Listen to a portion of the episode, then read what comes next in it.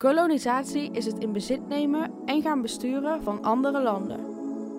Je luistert naar Ongekend, de podcast.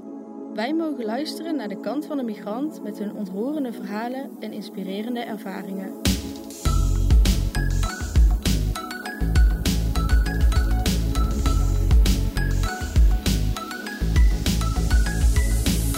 Met vandaag Reshma Koepsing, Leeftijd. 41 jaar, Suriname of Nederland? Amsterdam. Dit mis jij het meest uit Suriname. Eh, de warmte, Nederland in één woord. multicultureel. Erkenning, heling, verbondenheid.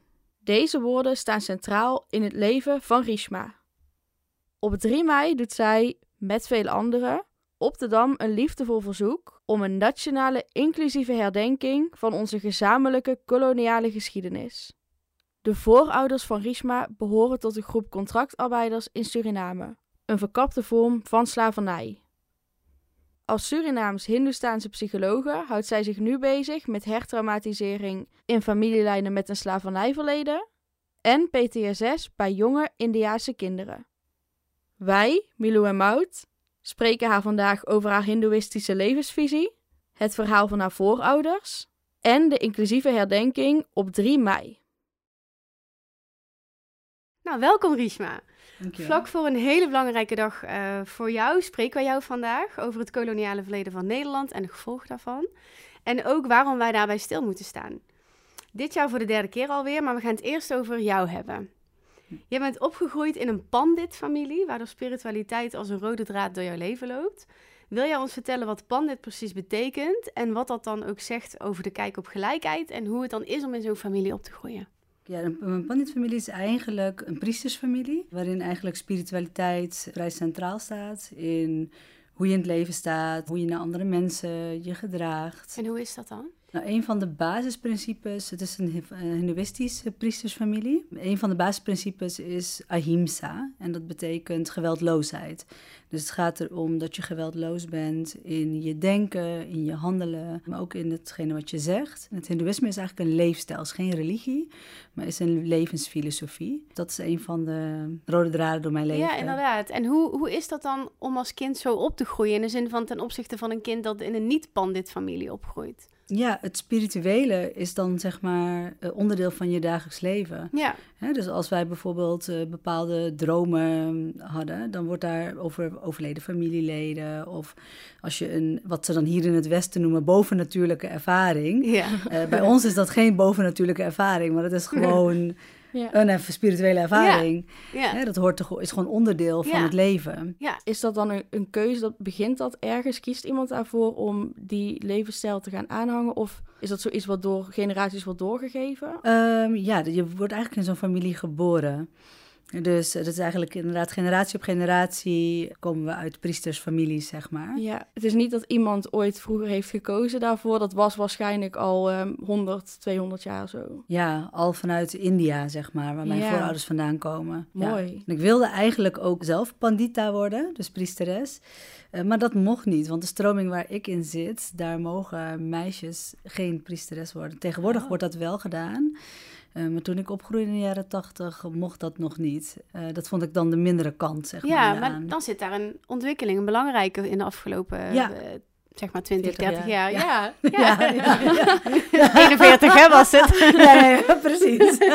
Mooi op zich Ja, dat ja. dat, dat eh, zo veranderd is dat het nu wel kan. Zeker, nee, ja, zeker. belangrijk. Ja. En hoe, hoe voelt dat dan dat je zo'n, als ik het mag zeggen, tegenstrijdige normen en waarden dan misschien hebt? Want jij wilde dat wel graag worden. Je, als ik het mag invullen, dan vind je waarschijnlijk ook dat dat zou moeten mogen misschien? Ja, nee, zeker. Ik, ik, voor mij was het eh, mijn eerste heartbreak. Eh, want ik Ah. dacht echt van, huh, ik snapte er niks van. Ik denk, hoezo, waarom mag ik geen priesteres worden terwijl ik dit graag wil? Eh, want ik ben vrij spiritueel, was ik al als kind.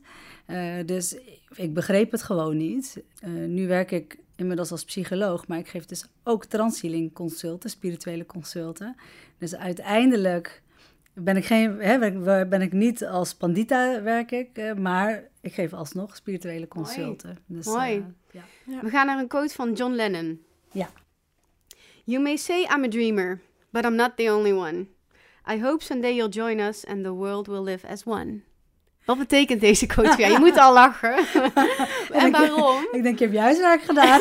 Ja, of course. waarom deze quote? Ja, ik vind dit, uh, dit is wat ik voel. Ja, hè? dit is helemaal wie jij bent, volgens ja. mij. Waarom? Ja omdat ik geloof in eenheid. Ik geloof, dat is dan ook vanuit het hindoeïsme en ook vanuit het spirituele. Geloof ik, ik zie ons zeg maar als een soort van zon. Dat de zon een soort van bron is van uh, de goddelijke energie. En dat wij allemaal zonnestralen daarvan zijn. Dus dat we allemaal het goddelijke licht in ons hebben. En um, ik denk als wij zo naar elkaar kunnen kijken, dat we allemaal die goddelijke energie zijn uh, dan verbindt dat ons in plaats van dat we kijken naar de buitenkant wat ons verdeelt. Uh, dus daarom hou ik ook van dit nummer inderdaad.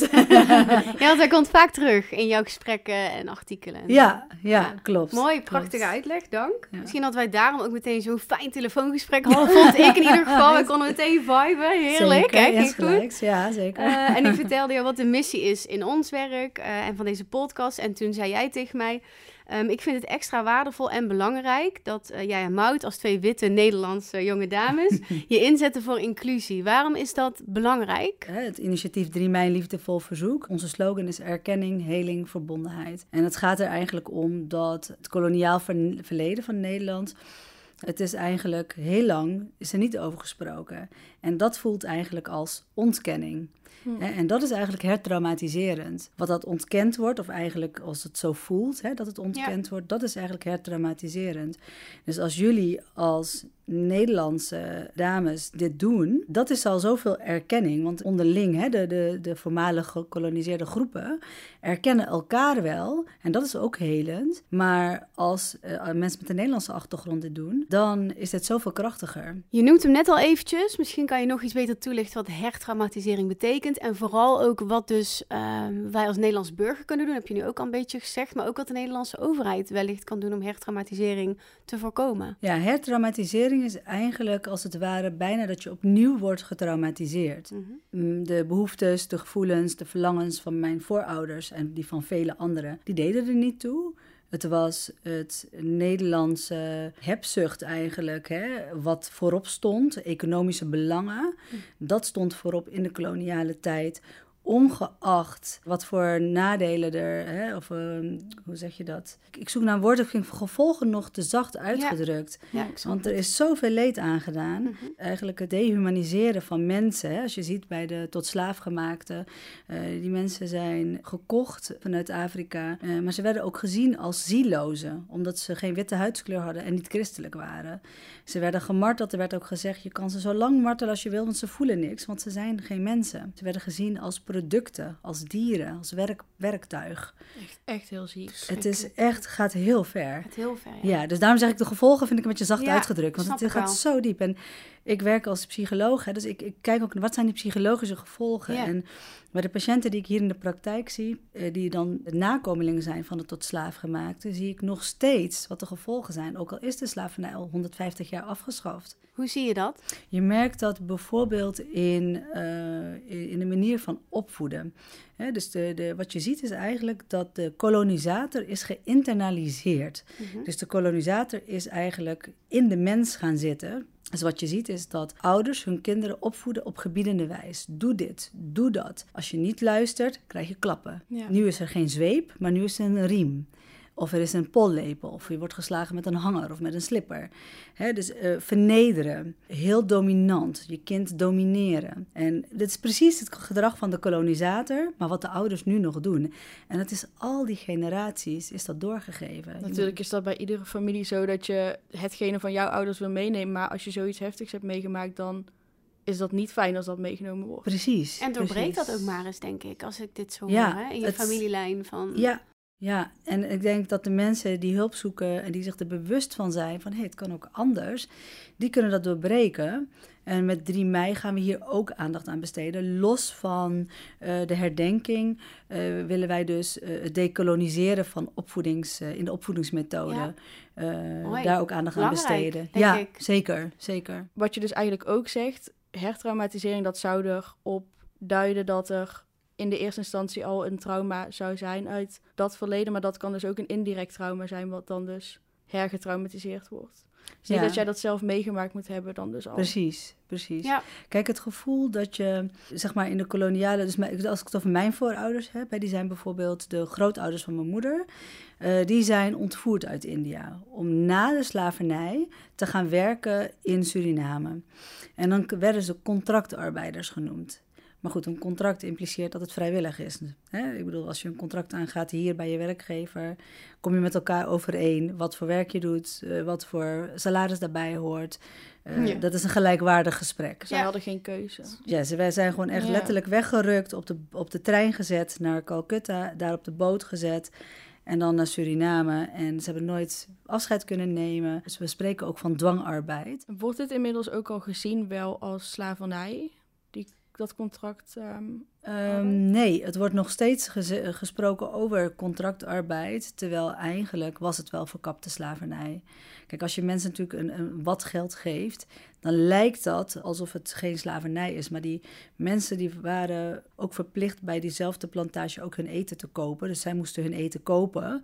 En bijvoorbeeld de tot slaafgemaakten, die kregen het eten, want ja, ze hadden ook geen geld. Het is wel ingewikkeld, het zit, het zit Ja, vrij ingewikkeld in elkaar. De contractarbeiders hadden een contract voor vijf jaar. Hè, en daarna konden ze eventueel verlengen of terug naar India. Maar ze werden aangespoord om in Suriname te blijven. Dan kregen ze 100 gulden en een stukje grond om een leven op te bouwen in Suriname. Want de terugreis was 500 gulden. Dus het was gewoon ook heel slim, want het stond, Ja. er was een, er was een, noemen ze een Coolie-traktaat. Dat was zeg maar een contract tussen de koningin van Engeland en Willem III in Nederland. En daarin stond dus ook dat, dat er goed gezorgd moest worden voor de, in dit geval dwangarbeiders. Mm. Eh, en dat ze dus ook weer het recht hadden om terug te keren. Maar omdat het duurder was, hebben ze de echte mensen overtuigd of verleid om te blijven. ja, een beetje schijnbelofte. Ja, dat Ja. lijkt natuurlijk niet op een vrije keuze. Nee. Nee. nee. Nee. Mhm. Hm. Als het gaat over het Nederlandse slavernijverleden, dan gaat het ook vaak over Suriname en de Nederlandse Antillen. Mhm. Dat is overigens ook waar het kabinet naartoe eh, is gereisd om officiële excuses te maken. Ja. Toch beslaat dat nog niet de helft van het Nederlandse slavernijverleden. eh, afgaande op het aantal eh, slachtoffers wat geschat wordt. Honderdduizenden werden namelijk verhandeld in Indonesië, tienduizenden in de Kaapkolonie in Zuid-Afrika. Eh, maar zelfs dan zijn we er nog lang niet, want er ligt ook een hele historie in Myanmar, Taiwan, Sri Lanka, Madagaskar, Tobago. Het houdt niet op.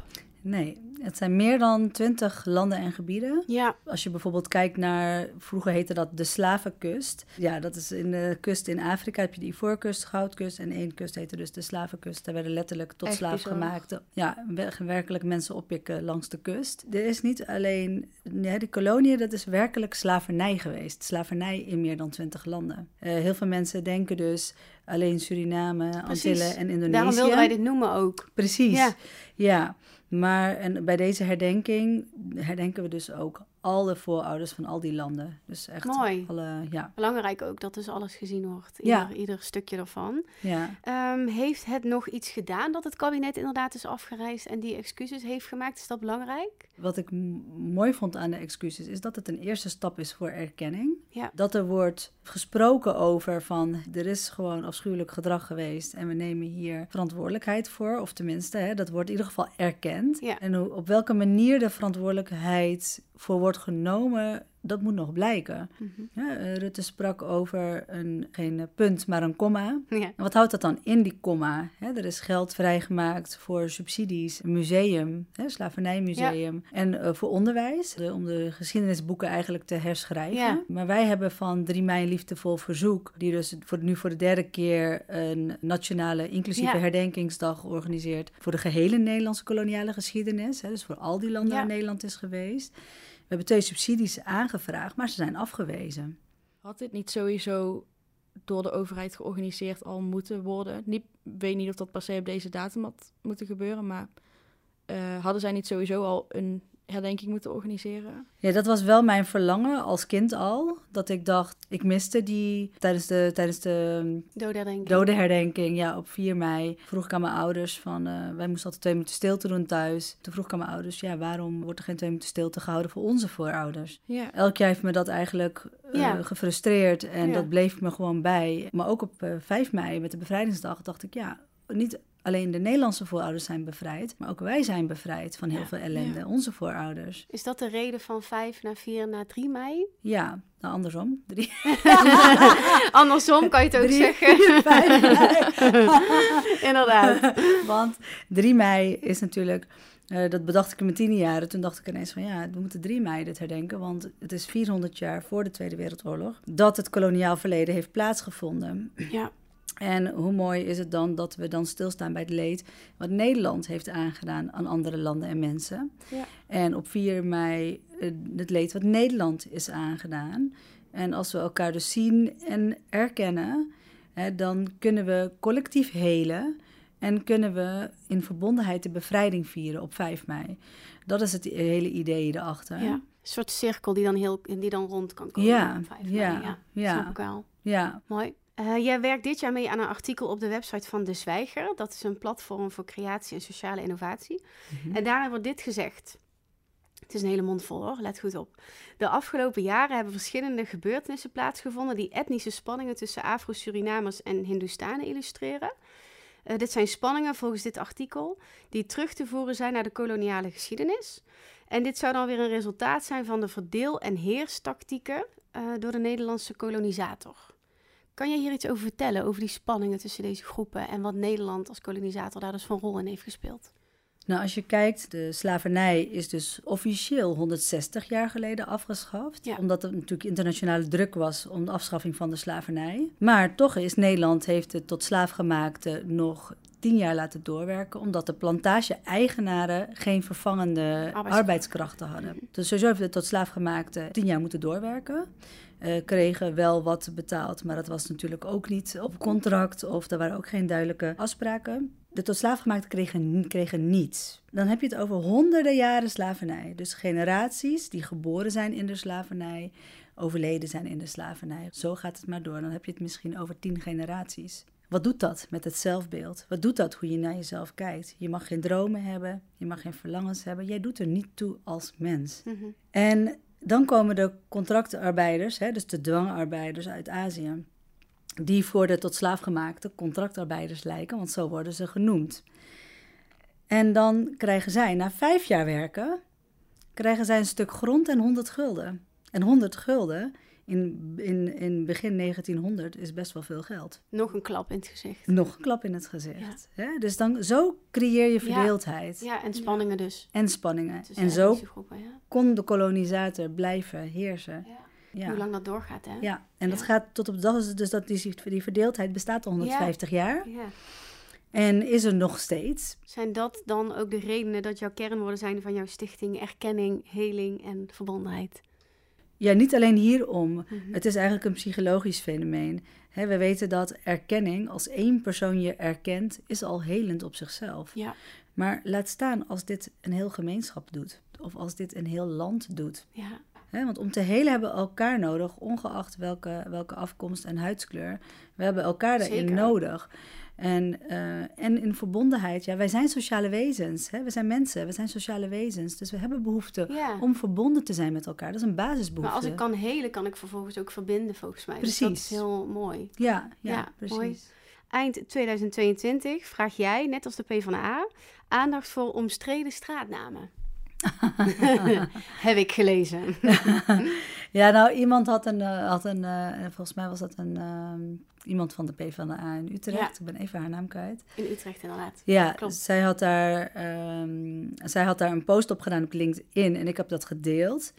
En ik heb dat gedeeld omdat ik dit precies zo mooi vind. Dat een Nederlandse vrouw, dus, en dan bedoel ik dan een, een, een persoon van, met een witte huidskleur, dat zij hiervoor eh, dit zeg maar oppert, dit problematiseert. Mhm. Eh, dat je dus zeg maar, net als om een voorbeeld te geven, al die landen die zijn leeggeroofd door Nederland, maar ook door andere Europese landen, worden nu derde wereldlanden genoemd. Ja, Waar de rijkdom ooit was. Waar de rijkdom, Ja. ja. zeker. Ja. Die zijn leeggeroofd door het Westen en worden nu derde wereldlanden genoemd of ontwikkelingslanden. Want het zijn landen die zich zouden kunnen ontwikkelen tot westerse maatstaven. Hoe dubbel is Maar dat? hoe, maar hoe narcistisch Ja. klinkt dit? Ja, Dit is echt narcistisch. hey, dat zegt een psycholoog, hè? Ja, ja. Maar het klinkt, het klinkt niet gezond, toch? Nee, Nee. nee. Het klinkt niet gezond. Klinkt niet best. Nee. Nee. nee. Dus dit is, dit, eh, dit, we hebben best een behoorlijke stap te maken Ja. in onze mindset. Zijn er nog niet, zeker niet. Als wij Columbus een held noemen, een ontdekkingsreiziger, terwijl het een misdadiger was. Hij ging naar Indonesië, zet zijn vlag neer, vermoordt alle inheemse daar, of in ieder geval onderdrukt ze. Ja, het is, het is te bizar voor woorden. En wij, in onze, wij zijn allemaal opgegroeid met "Oh, Columbus is een held.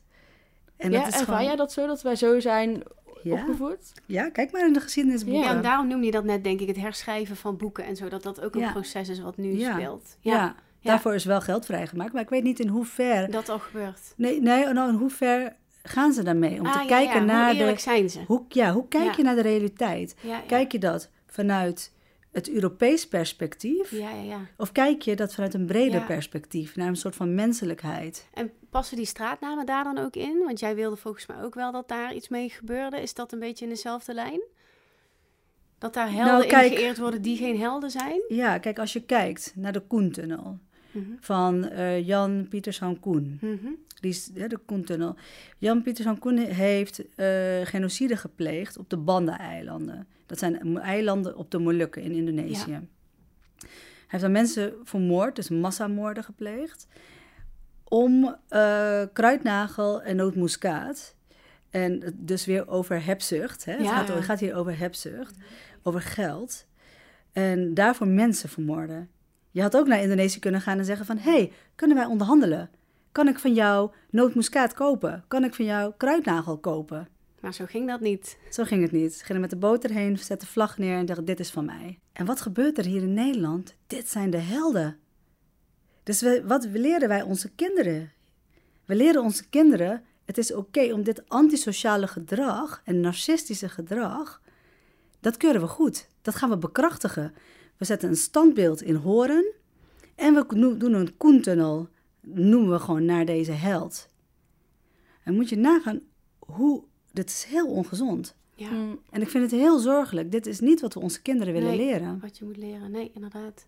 Hè, dit gedrag moet afgestraft worden. ja. Hè, dit- je moet zeggen van dit mag nooit meer gebeuren. En we Mhm. gaan deze mensen niet verheerlijken.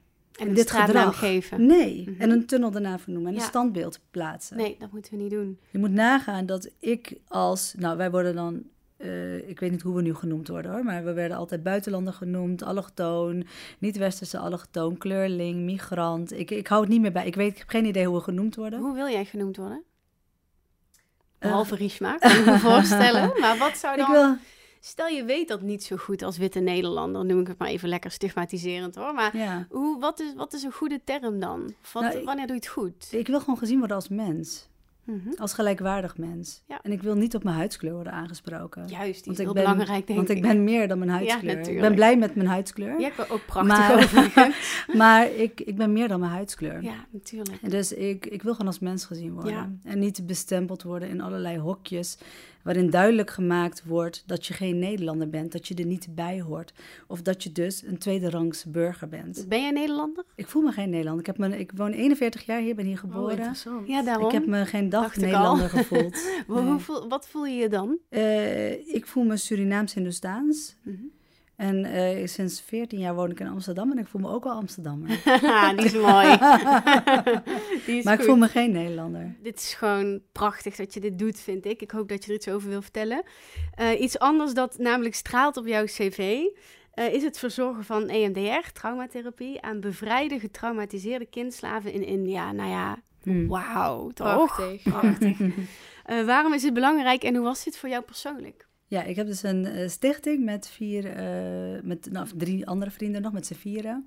Het heet Stichting Safe by Sewa.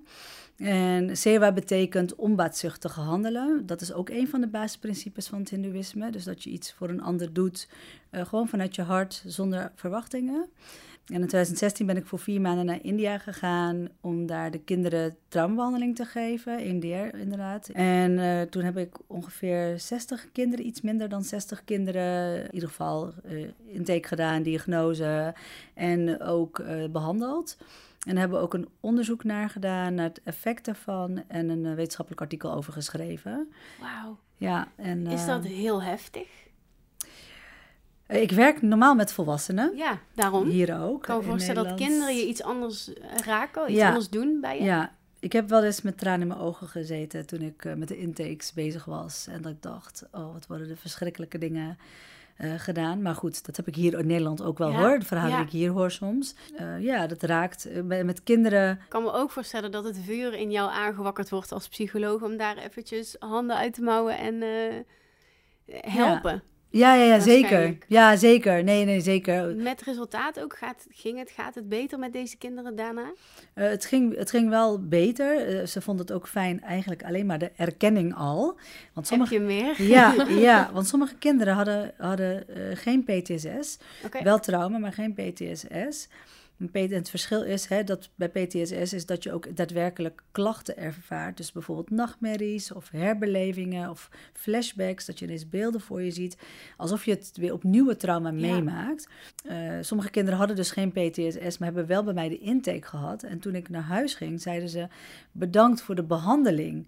En, eh, en ze vonden zich, want ze hadden nooit hun verhaal zo op deze manier kunnen vertellen. Want ze zijn eigenlijk vaak bevrijd en dan worden ze, wordt gezorgd dat ze naar school kunnen. En wordt gezorgd dat zij worden herenigd met hun familie. Want sommigen weten wel waar hun familie is, maar sommigen niet. En, eh, maar de, de psychologische hulp is wat onderbelicht nog Ja. in India. Ja. Je moet nagaan dat in India ook 400 jaar Britse kolonia, eh, koloniale onderdrukking is geweest. Ja, Hè, dus dat is ook nog een land die aan het herstellen is. Ehm, daarvan. Daarvan, zeker. Mhm. Ja, dus eh, als je kijkt naar de, de, de piramide van Maslow, ja, dan ben je eerst bezig met overleven, Overleven, ja. voordat je verder kan hè, ja, naar boven. precies. Wat mooi dat je die bijdrage hebt kunnen leveren. Ja, zeker, Mooi. zeker. Op de website van jouw stichting eh, 3 mei in Liefdevol Verzoek staat het prachtige en innig verdrietige verhaal, als je het ons vraagt, over meneer en mevrouw Hulasi, Hulasi, Ja. als ik het goed uitspreek. Namelijk jouw eh, voorouders. En, en wij konden ons goed voorstellen dat dit misschien wel jouw why is, jouw waarom je dit ook begonnen bent. Kun je misschien kort hun verhaal eh, delen? Eh, het verhaal is, is dat zij in een klein dorpje in India woonden. En ze gingen die dag eh, gingen ze op een dag naar een iets grotere. Nou, het is eigenlijk een klein stadje. Sitapur heet het. Dat is in de buurt van Lucknow in Noord-India. Eh, ze waren met een paard en een kar. En toen vroeg een andere Indiër aan hun van... hey, eh, hebben jullie werk nodig? En toen zei mijn overgrootopa van... nee, nee, ik heb al werk, dus nee, geen interesse. En ze gingen verder met wa- wat ze deden. Was dat de normaalste zaak van de wereld om zo'n vraag te stellen? Of was dat al wel opvallend? Dat weet je misschien ook niet. Maar... Ehm, Nee, maar in die tijd werd er wel veel gesproken over dat het gebeurde. Oh ja. En eh, die man bleef me aandringen van, ik kom even, ik wil jullie iets laten zien. En op een gegeven moment dacht mijn overgrootopa, ja oké, laten we even meegaan, dan zijn we er vanaf. Dus, Even eh, luisteren en... eh, ja, om, om ook van het gezeur af te Ja. zijn. Toen hebben ze hun kar en paard bij een winkel neergezet en zijn ze meegelopen. En toen liep die man naar het politiebureau in Sitapur en heeft hij mijn overgrootouders daar vastgezet. En die waren helemaal overstuur, want ze hebben niks verkeerds gedaan. Ze waren gewoon op weg, onderweg. En dus mijn overgrootoom was helemaal in tranen overstuur. En ze vroegen ook beide van laat ons gaan, we hebben niks gedaan. En toen voelde die andere Indiase man, die voelde zich zo schuldig. Toen heeft hij wat geld in hun handen eh, gedaan en is snel weggegaan. Nou, dat geld hadden ze natuurlijk niks, want ze Nee, wat zaten vast. En toen hebben ze daar een paar dagen gezeten. En na een paar dagen zijn ze op de trein gezet naar Calcutta. En Calcutta is aan de kust, zeg maar. mhm. En daar zijn ze in een depot gez- eh, gezet, totdat er genoeg mensen waren om de boot te vullen. Hoe bizar is die uitspraak alleen al? Ze zijn in een depot gezet. Ja, Bizar. ja, ja. Ja, precies. En na een aantal dagen, en mijn overgrootoma schijnt gewoon dagenlang eh, gehuild te hebben. Gewoon, op, gewoon op, want niet, gewoon niet begrijpen. Dit is, dit is zo traumatiserend. Hè? Je wordt gewoon weggezet en dan op de trein. Je weet niet waar je heen gaat, je familie, alles. Eh, en dan maanden onderweg, waar je dus ook ziet dat mensen overlijden op die boot en gewoon overboord worden gegooid. En dan kom je in Suriname aan en dan moet je gaan werken in een plantage in de felle zon.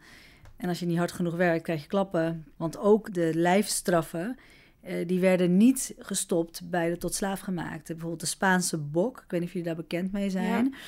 Nou, dat is een strafvorm waarbij je met een stok onder je, eh, onder je knieën wordt vastgebonden. Je knieën en je handen worden dan ook vastgebonden en dan word je gezweept. Dat noemen ze de Spaanse bok. Ik moet En- er bijna van huilen gewoon als ik het hoor. Als ik me voorstel. Ja, ja. Ja, en dat, ja, het, is gewoon ook verschrikkelijk. Ja, zij zijn uiteindelijk, hebben zij heel weinig hierover gesproken. Ze hebben wel het verteld natuurlijk aan hun kinderen en onder andere aan mijn moeder. Maar zij konden er niet goed over praten. Ja, ja, ja. Hè? En, en, en je hebt zeg maar de term de tot slaaf gemaakte. En er is ook de term de tot koelie gemaakte. Want de Hindustanen Ja. worden koelie genoemd. Dat is een scheldwoord. En ik noem ons eigenlijk, en alle nazaten hè, van de slachtoffers van het Nederlands kolonialisme, noem ik de tot klein gemaakte. We zijn allemaal klein gemaakt, Mhm. minderwaardig gemaakt. En we zijn natuurlijk niet klein of minderwaardig, maar dat zijn onze voorouders wel gemaakt. En Ja. is het dan jouw individuele kracht dat jij daar bovenuit bent gestegen, mogen we wel zeggen, denk ik? Want je bent niet stil en je staat op de Dam en dit is jouw missie, je gaat naar India. Jij komt daar heel anders nu uit, lijkt het. Zit dat in jou? Mm, En je mag jezelf een compliment geven, dat is helemaal niet erg. Nee, nee, nee, nee. nee, ik ben even aan het denken. Dus als het antwoord is ja, dat is gewoon mijn kracht, dan Nee. mag dat ook, hè? Het is, eh, ik ben iemand, ik volg mijn hart. Ja. Ik ben iemand, ik, vol, ik doe wat ik voel. Dat kan ook niet iedereen En- trouwens Nee, hoor. precies. Dus het is wel jouw individuele kracht, dat dacht ik namelijk al. Ja. Wat zo'n idee. nee, ik doe wat mijn hart me ingeeft. Ja, maar dat is hartstikke goed. Ik kan me ook voorstellen dat er andere nazaten zijn, zoals je net Mhm. eh, eh, die groep, zeg maar, noemde. Ja. Die misschien een ander karakter hebben of een andere inborst. Mhm. En dat, dat nog veel meer last van hebben misschien. Ja, nou, dan zeg je wat, want veel mensen zeggen ook van, ja, maar het is zo lang geleden. Ook, ook, andere, ook andere Surinamers of dat Hindustanen bedoel ik. Ja. zeggen dat ook. Ja. Van ja, nee, nee, laat maar, want, want alsof je dan lastig bent. Ja. En het gaat Ja. erom dat we ruimte mogen innemen. Ja. We, we bestaan, we hebben een bestaansrecht. We, hoeven van, we hebben van niemand toestemming nodig om er te zijn, want we zijn er. Oh, dat zeg je heel mooi. Vroeger werd er gezegd, toen ik opgroeide, eh, van jullie zijn buitenlanders en jullie moeten je aanpassen. Dat heb ik heel vaak als kind gehoord. Of dat wij profiteurs zijn. Oei. Oh, En, en nu hoor je ook wel eens dat vluchtelingen worden genoemd de gelukzoekers. Ja. Maar dan denk ik... We zoeken allemaal geluk, toch? Ja, precies. Maar, maar laten we eerlijk zijn. De, de, de, wie zijn nou de grootste gelukzoekers geweest? Hmm. Ja. Met, ik bedoel, Ja. hè?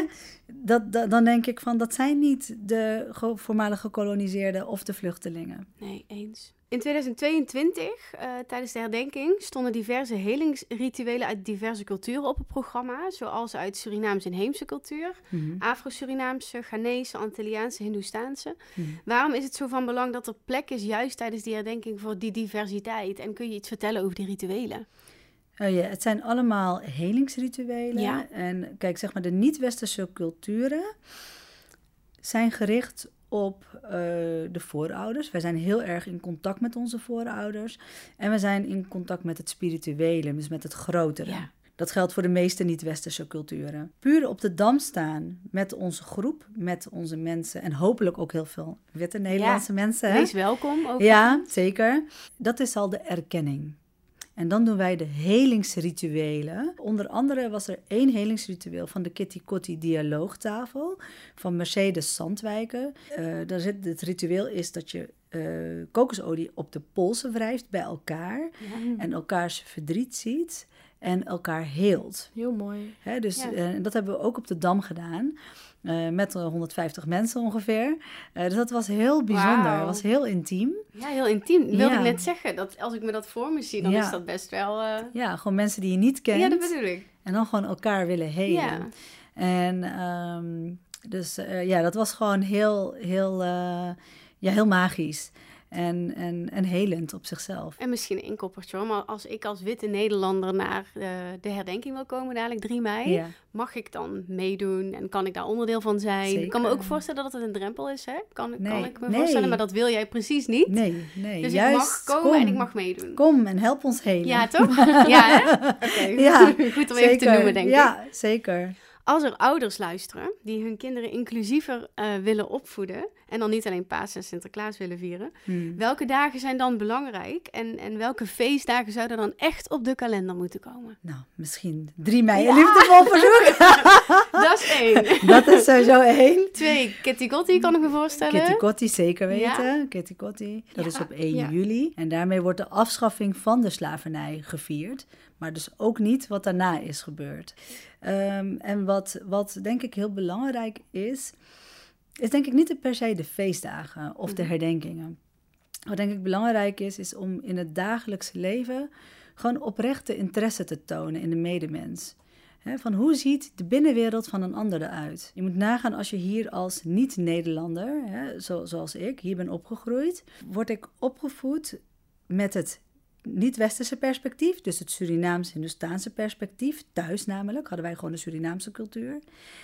En buiten hadden we de Nederlandse cultuur. Want ik, op school en, hè, krijg je natuurlijk die cultuur mee. En in de samenleving. Dus als je hier opgroeit, dan als niet-westerse, dan groei je op met twee perspectieven. Dus je bent je altijd bewust van je eigen perspectief, het Surinaamse perspectief en het Nederlandse perspectief. Misschien nog wel een aanvullende interessante vraag. Eh, kun je iets zeggen over dat Nederlandse perspectief? Even los van Pasen en Sinterklaas of los van ons verleden.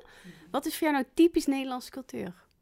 Ehm, nou, er zijn natuurlijk meer dingen. Kijk, ik, ik, kan, ik kan de verschillen uitleggen. Dat Ja, is misschien graag. handiger. Ja, Hè, kijk, als je bij ons, eh, als ik bij vriendinnen was en het is etenstijd, ja. dan zeiden ze ja, we gaan eten. En de, ik dacht, oké. En dan was het jouw beurt om naar huis te gaan, bedoelden ze dan eigenlijk. Ja, ik moest dan naar huis. Of ik heb meegemaakt dat ik op de kamer, dat mijn vriendin ging eten met hun gezin. En ik ging op haar slaapkamer gewoon wachten. En dan als ze klaar was, dan nee, kwam zij... dit Ik zijn heb niet dit- de beste Nederlanders Nee. geweest, Ik heb dit verhaal dus oprecht vaker gehoord van Ja. andere mensen Ja. die dit ook niet gewend waren. Ja, dit vind ik ook erg hoor, mag ik dat Nee. Dat gaat Ik heb niet het- overal zo. Ik heb het echt meegemaakt, ja. Dat is misschien nog wel het ergste van het feit dat ik het verhaal vaker heb Ja. gehoord. Dat het dus Heel erg. Ja, Lekker gastvrij dus. Oké, volgende. ja, ja. Maar als je bijvoorbeeld... Ik ben in Deventer, in een Turkse wijk opgegroeid. Oh ja. Oh. En, en, en daar was het juist van... Oh, als je niet mee eet, ja, dan worden ze boos. Ja. Hmm. Hè, dus Niet nee, netjes. Nee, dat is niet netjes. Nee. Je moet mee eten. Maar zo is de Surinaamse cultuur ook. Als je eten wordt aangeboden, eet je mee. Maar dan voelde ik me af en toe andersom wel eens eh, bezwaard. Ja. En soms had ik echt geen honger. Of ik lustte het bijvoorbeeld Ja. echt niet bij Surinaams. Ik at best wel vaak bij Surinaams. Ja, Ja, maar dan, nee, dat, dat kan niet. Ja. Ik moest dat echt opeten. Ja. Want anders Ja. beledig je mijn moeder. Werd me dan Ja. ook nog ingefluisterd. Hè? Ja. ja, dan at ik het maar op natuurlijk. ja, ja, Maar dat ja. Ook, Dat is de eigenlijk andere is dat kant. ook niet gastvrij. Nee. Dus nee, jou op de slaapkamer laten eten is Nee. niet gastvrij. Nee. Maar mij rot die naar binnen. Ja, En dan heb je die twee perspectieven Ja, waar jij ja het dat zijn eigenlijk twee Precies, perspectieven, precies. ja. Ja. Van voorvechter voor inclusie tot voorvechter van inclusie. Wat is jouw advies voor hen die het begrip inclusiviteit meer willen toepassen in hun dagelijks leven? Wat, wat moet je doen? ja, je dus probeert te verplaatsen in een ander. Mhm, Zonder oordeel. Ja, zonder oordeel. Ja, en als de intentie is van inclusie, is neem ik aan verbinden. Maar is ook de intentie gelijkwaardigheid. Dat gaat nog iets verder. Ja. Dus kunnen we op een gelijkwaardige manier met elkaar in verbondenheid raken. Mhm. Elkaar echt zien, echt horen. En ook al hoor je een verhaal over de slavernij voor de zoveelste keer, kan het net een ander verhaal zijn. En luister je dan echt? Ja. Hoor je echt en kan je echt voelen wat een ander voelt, wat een ander ervaart? Hè, kan je echt verplaatsen? Eh, ik denk dat dat belangrijk is. Ik heb het idee dat nu heel veel bedrijven een afdeling hebben diversiteit en inclusie. Dat is een soort van vink die op de lijst Net staat. als duurzaamheid is er ook zo eentje. Precies, precies. Maar wat houdt het werkelijk Ja, in? wat doe je er echt mee? Ja. Mhm. ja, en ik denk dat, we, dat het mooi is dat het op de kaart staat. Dat is denk ik al winst. Hè? Als je kijkt, in de jaren tachtig deden, deden wij er nog niet toe. Hè? Dus toen waren we gewoon die buitenlanders. Dus er is wel een verschuiving. Ehm, maar ik zou heel graag zien eh, dat we in eerste instantie gewoon als gelijkwaardige mensen worden gezien. Ja, mooi. Ik denk dat het daar dat dat een mooie start zou zijn. Wat ons betreft kunnen wij nog uren met jou kletsen, maar wij zien jou 3 mei op de Dam. Yes. Dank voor dit gesprek en wij vragen onze gast altijd om af te sluiten in een taal naar keuze. Dat mag in het Nederlands. Voel je Nederlands als je wil. Mag ook in een andere taal, maar in ieder geval dank. ik dan wil ik zeggen Vasudeva Kutumbakam. En dat is in het Sanskriet, de hele wereld is één familie. Wauw, dankjewel. Dank je. Jullie bedankt.